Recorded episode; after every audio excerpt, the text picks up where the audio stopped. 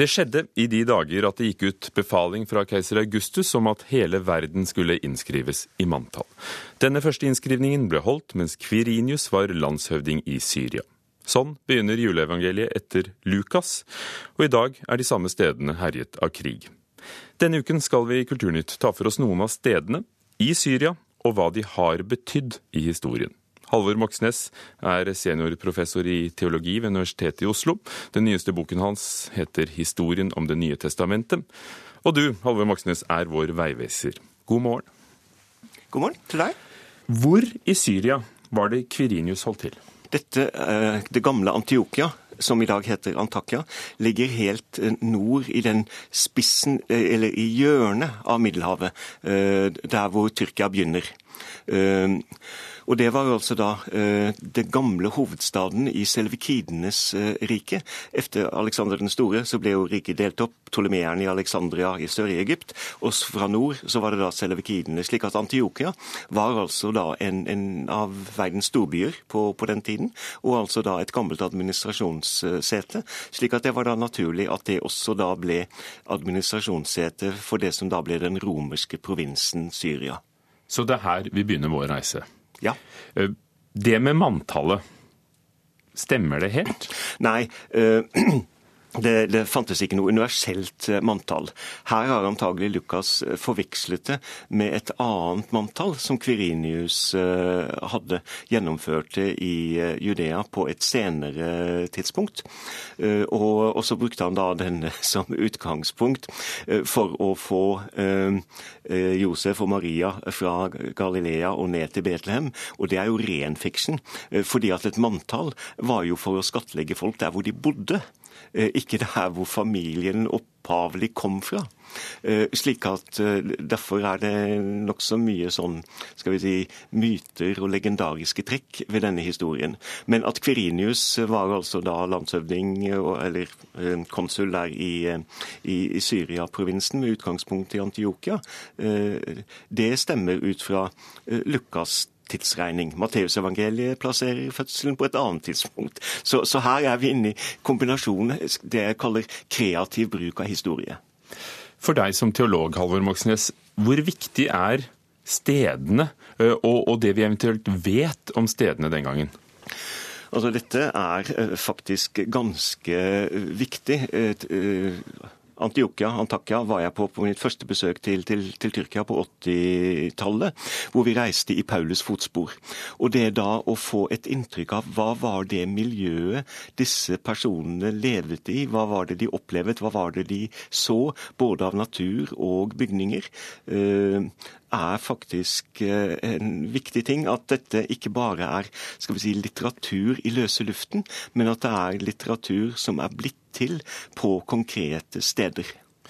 Antakya ligger, som du akkurat nevnte, i Tyrkia i dag. Dette er jo Syria fullstendig rykende uenig i, selvfølgelig. Men hvilken rolle spiller byen i den konflikten som rammer landet nå?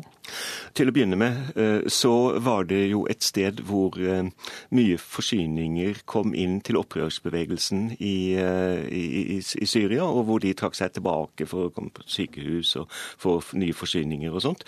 Nå har jeg inntrykk av at det primært er et sted med stor flyktningetilstrømning fra Syria. Slik at denne provinsen, som Antakya da er hovedstad i nå, får hatt fått flere hundre tusen syriske flyktninger, som da selvfølgelig virker inn veldig mye på, på hele samfunnet.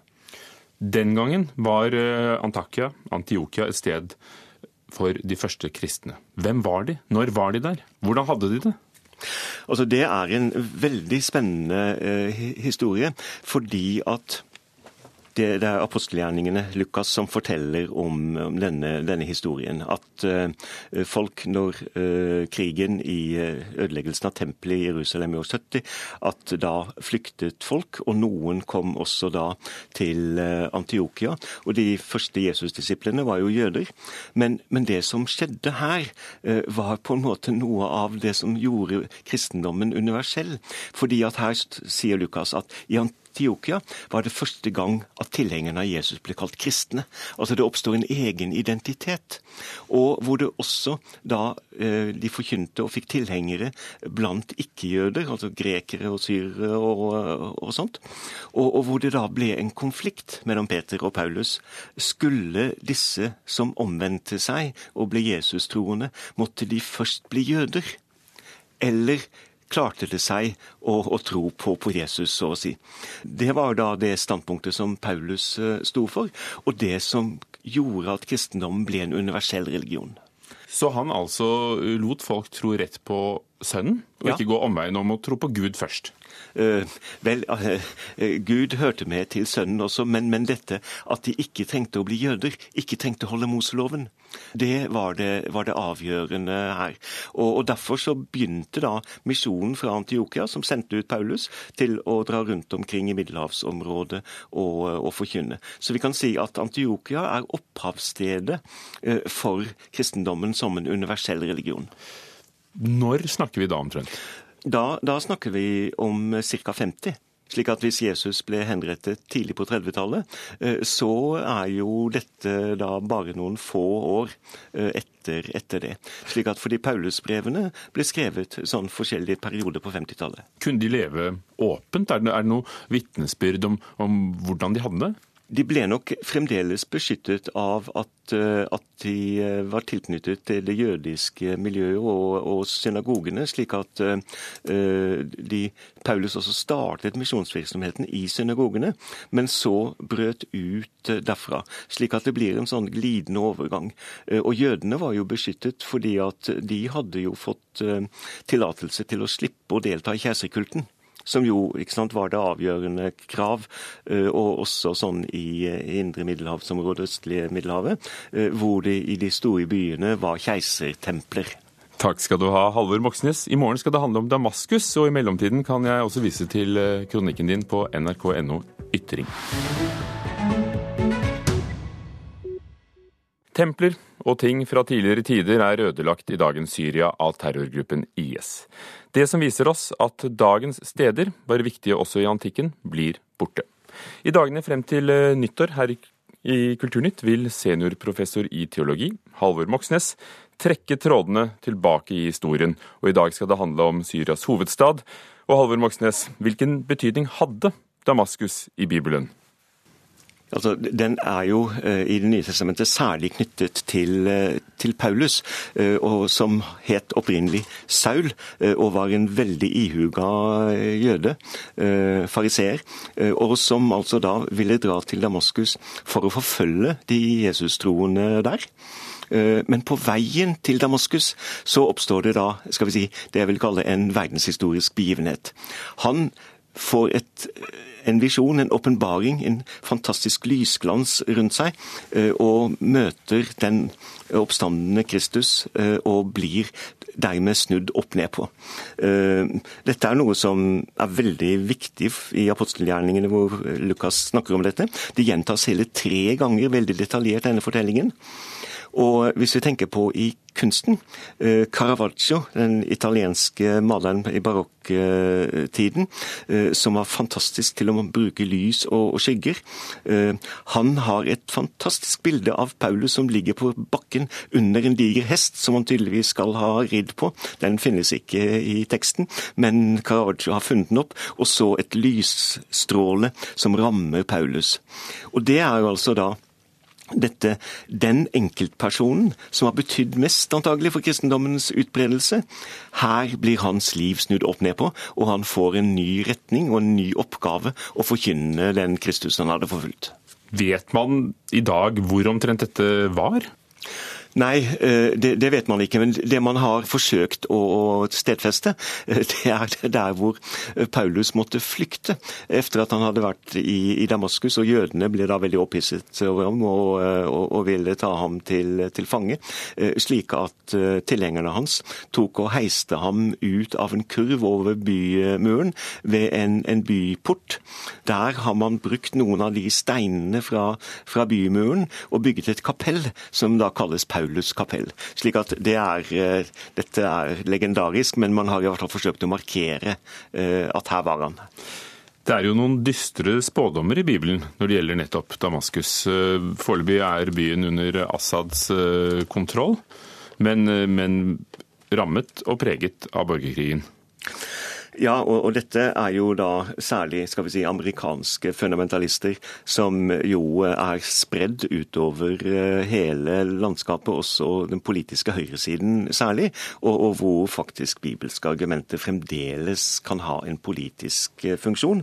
Og, og dette er, som du nevner, er fra eh, profeten Jesaja, eh, sånn på uh, på 700-tallet, eh, som sier Se, Damaskus skal ikke lenger være en by, men bli til en ruinhaug.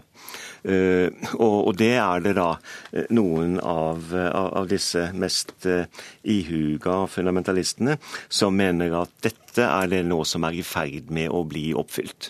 Uh, mens andre sier hør her, dette skjedde jo på 700-tallet, da asyrerne erobret Damaskus. Jeg vil jo mene at det er en misforståelse. Profetene eh, de snakket jo ikke ut i løse luften, de snakket jo inn i den aktuelle politiske situasjonen. Om hva de så for seg nå ville, ville skje i den nære fremtiden. Så dette har allerede skjedd? Uh, ja, en del, en del, også en del av disse konservative har sagt at dette har jo allerede skjedd, slik at dette, dette er tøv. Men, uh, men, det viser noe om hvordan religion kan, kan spille inn i politikken. For F.eks. Reagan snakket om 'evil empire', eller Bush 'axis of evil'. ikke sant? Da bruker du sånne bibelske metaforer som de kan spille på i forhold til en god del av velgerne. Du har jo ruslet rundt Halvor Moxnes i Damaskus' gater. Hva finner du der som er eh, av betydning for eh, den kristne og jødiske historien? Du finner jo for det første, eh, ikke da for den kristne og jødiske, men, men for den muslimske historien, Amayad-moskeen, som er en av de aller største moskeene i, i verden, eh, og, og, hvor Damaskus da var liksom sentrum eh, for det islamske riket en, en, en periode. Men ellers så er det jo Nasjonalmuseet som er eh, veldig spennende når det gjelder den jødiske historie særlig. Eh, fordi at der har de rekonstruert eller satt opp igjen et fantastisk funn fra Dura Europos, som ligger ved grensen til Irak nå, ved Eufrat en synagoge fra 200-tallet som er helt usedvanlig, fordi jødene hadde jo dette billedforbudet. Du skulle ikke lage deg bilder av noen ting. Eh, men den er en billedbok av jødenes historie av alle viktige perioder, eh, f.eks. av Moses, og om hvordan Guds hånd kommer ned fra himmelen og deler Det røde hav, slik at jødene kan gå ut. Slik at den er et, et, en, eh, som sagt, en fantastisk billedbok for jødisk historie. Ser du det som, som eh, nettopp eh, en fortelling, eller som en historisk nedskrivning? Du tenker på disse bildene og sånt. Noe av det er jo selvfølgelig historie når det kommer til personer som David og Salomon og, og, og sånt. Men, men, men, dette at alle israelitter var i Egypt og kom ut uh, samtidig, det er nok en, skal vi si, en myte om hvordan folket ble til. Uh, og, og hva som er de sentrale begivenheter. Dette er en 1814-fortelling. I går snakket vi om Nasjonalmuseet i Damaskus med sine enestående billedfortellinger fra jødisk historie, og som fortsatt står der. Et sted som har vært mye sterkere rammet av krigen i Syria når det gjelder kulturminnene, er byen Palmyra. Mye er ødelagt av den såkalte islamske staten, terrorgruppen IS. Halvor Moxnes, professor emeritus i teologi fra Universitetet i Oslo. I dag skal det handle altså om Palmyra, og det heter Palmyra nå. Den gang het det Tadmor eh, det er jo da eh, et mer et, et semittisk eh, navn som betyr det samme. Det er palmebyen, fordi at dette er, er jo en oase midt ute i ørkenen. Og, og, så er da det latinske navnet, oversettelsen i den latinske bibelen, er jo da Palmyr. Og det var ingen hvem som helst som lot den bygge? Altså, Det er, er da ifølge den, den, jødiske, eller den gammeltestamentlig tradisjon, så var det Salomon. Dette er jo da omstridt om, om Salomons rike gikk så langt som hele, helt ut i nærheten av, av Eufrat. Det er mulig at det har skjedd en kombinasjon. Men i hvert fall det er en av de skal vi si, opphavslegendene da for, for Palmyra. Uansett hvem som, eh, som satte i gang, så var det et veldig viktig sted på reisen mellom Romerriket og Østen. Ja, eh, det var jo et av de aller viktigste karavanestoppene og, og handelssteder for eh, da handelen til Persia og til India, og, videre via Damaskus og, med båt da til, til Rom. Eh, og, og, og, hvor man da innførte Det var jo særlig luksusstoffer som kunne føres eh, lange veier, fordi at det måtte jo være lett å frakte på kameler og, og sånt. Du kunne ikke ha store ting. slik at, at det kunne da være f.eks. gull, røkelse og myrra. Eh, fordi at her kan vi i hvert fall tenke oss at kanskje var det her de vise menn fra Østen som var på vei for å finne Jesusbarnet i Betlehem, fulgte stjernen hjernen eh, at dette kan ha vært en av de sentrale veiene som de har kommet etter. Vi vet jo ikke noe om hvem de var, hvor de kom fra, om de har eksistert.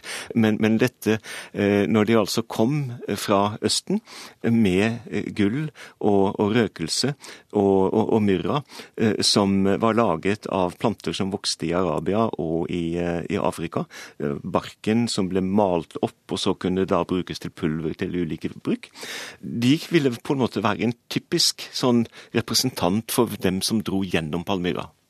Et av byggverkene som eh, terrorgruppen IS har ødelagt, er Baal-tempelet. Hva slags tempel eh, hadde vi? Eh, Bal-kulten er jo da, skal vi si, den høyeste gud innenfor for deres pantheon. Det tilsvares Sus i Hellas og Jupiter i Roma. Eh, slik at eh, dette var altså da den sentrale guddommen, og derfor et, et kjempestort tempel, som faktisk ble bygget omtrent på Jesu tid, eh, sånn ca. 30-tallet i første århundre. Og med også da en, et enormt tempelområde rundt. Eh, og, det var jo veldig godt bevart da, jeg var der for syv uh, år siden. Imponerende høyt og flott. Det er jo sånn ørkentørt. Det gjør det jo mulighet for å bevare ting. Slik at det er det viktigste enkeltmonumentet i Palmyra. Ellers så er den jo særlig kjent for at den har en sånn kjempelang kolonnadegate, altså med høye søyler. Eh, fra og digre sånne triumfporter og, og, sånt, som også var veldig, veldig godt bevart.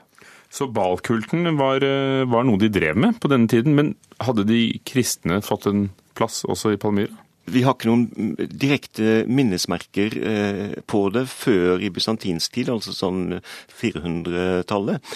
Men, men, det som gjør at vi kan tro at det har vært kristne der før, er jo at den byen vi snakket om i går, Dura Europos, som ligger ved Eufrat et godt stykke lenger øst fra Palmyra, men liksom hvor Palmyra er på veien, der har man ved siden av den synagogen jeg fortalte om, også funnet en kirke. Altså den første bevarte kirken fra ca. første del av 200-tallet, eh, og med fantastiske fresker der også. Den ble gravet ut på 1920-tallet, et samarbeid mellom da syriske myndigheter og eh, universitetet ved Yale, slik at den er rekonstruert eh, Yale i USA.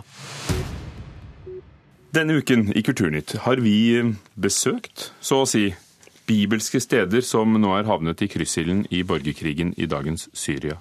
Halvor Moxnes, seniorprofessor ved Universitetet i Oslo, teolog, har skrevet veldig mye om eh, både bibelhistorie og, og, og Jesus. I dag er vi kommet til Malola. Hva slags sted er Malola? Det er altså en liten landsby som ligger oppe i fjellene eh, vest for, eh, for, Damaskus. Eh, og det var jo virkelig overraskende å komme dit da vi var en busslast med religionsforskere for noen år siden, som kom oppover en trang dal. Og så opp mot toppen så ligger det da en, en, en liten landsby og et et kloster under en hule, hvor efter tradisjonen Tekla, som var en av disiplene til Paulus, en kvinnelig disippel og misjonær, ble forfulgt og, og, gjemte seg i en hule. Og, og efter henne er det altså da reist dette, dette klosteret. Og det som er det mest, skal vi si, mest kjente med Malola, er at man sier der snakker man fremdeles slik Jesus snakket. Altså man snakker eh, en dialekt av det gamle språket aramaisk, som altså på 800-tallet var et verdensspråk. Eh, og i, i, Midtøsten lingva lingua franca, omtrent som engelsk nå, men, men, som da gikk ut av bruk, og som da araberne kom, ble presset ut. Opp i, i daler og fjell, og, og der er det altså da noen rester igjen. Så det går altså an å, å, å reise dit, i hvert fall inntil nylig, eh, og, og fortsatt høre aramaisk? Ja. Det er ca. 15 000 mennesker som, som, bodde der før denne siste krigskatastrofen eh, kom. Og eh, det er der noen landsbyer i, i Syria, og også i Nord-Irak, eh, opp mot det kurdiske området, eh, hvor det også er noen mindre byer hvor disse aramaiske dialektene er, er bevart. Når vi snakker om kvinneklosteret i Malula, hva kan kjennskapen til det fortelle oss om hvordan nettopp kvinner hadde det den gangen? Ja, altså Dette er jo faktisk en veldig lang tradisjon som går tilbake til de første århundrer, om kvinnefellesskap. Eh, det begynte delvis med elitekvinner som kunne samle grupper av kvinner i sitt eget hus, men så ble det etter hvert også dannet, dannet kloster eh, i store deler av, av dette, dette, området, eh, slik at det ga kvinner en form for selvstendighet som de jo ellers ikke hadde i, i datidens samfunn. Kvinneklosteret, som eh, du nevnte, er eh, i dag delvis ødelagt etter slaget mellom forskjellige opprørsgrupper og Assads hær. Men hvordan står det til med, med språket, den eh, immaterielle arven? Ja, Problemet der er jo at eh, da, da disse Al Qaida-gruppene kom, så flyktet jo eh, folk. Nå har Assad-regimet gjenvunnet eh, terreng eh, og forsøkt å restaurere noe og, og sånt. Eh, og noen er nok flyttet tilbake. Men, men, noe av problemet med disse språkene er jo at de er så, så sårbare, fordi at det gis ikke undervisning i skole i dem, slik at de overleveres innenfor for familier. Og, og når miljøer da blir sprengt eh, og oppløst, så eh, er jo språket i alvorlig fare. Hva mister vi hvis det blir borte? Eh, for det første så, så, mister jo mennesker sin språklige identitet. Og, og, vi kan se at vi mister den linken tilbake til, til Jesu egen tid.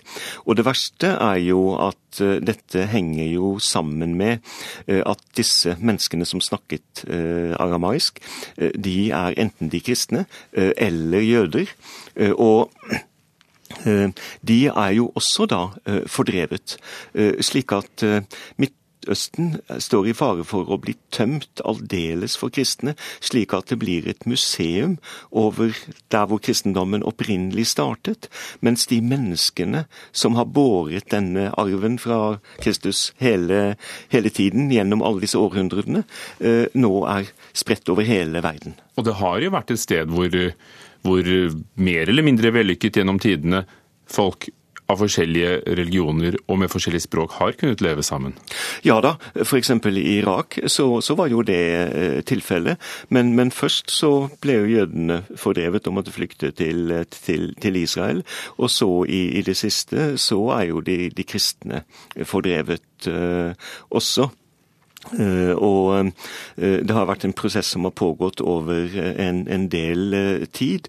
Fordi at med skal vi si, arabisk nasjonalisme knyttet opp mot islam, har på en måte brutt med den tolerante holdningen som islam tidligere hadde i forhold til, til kristne, slik at mange flere kristne enn muslimer har dratt Eh, emigrert fra disse områdene i, i Midtøsten til Nord-Amerika, Sør-Amerika, Australia og Europa.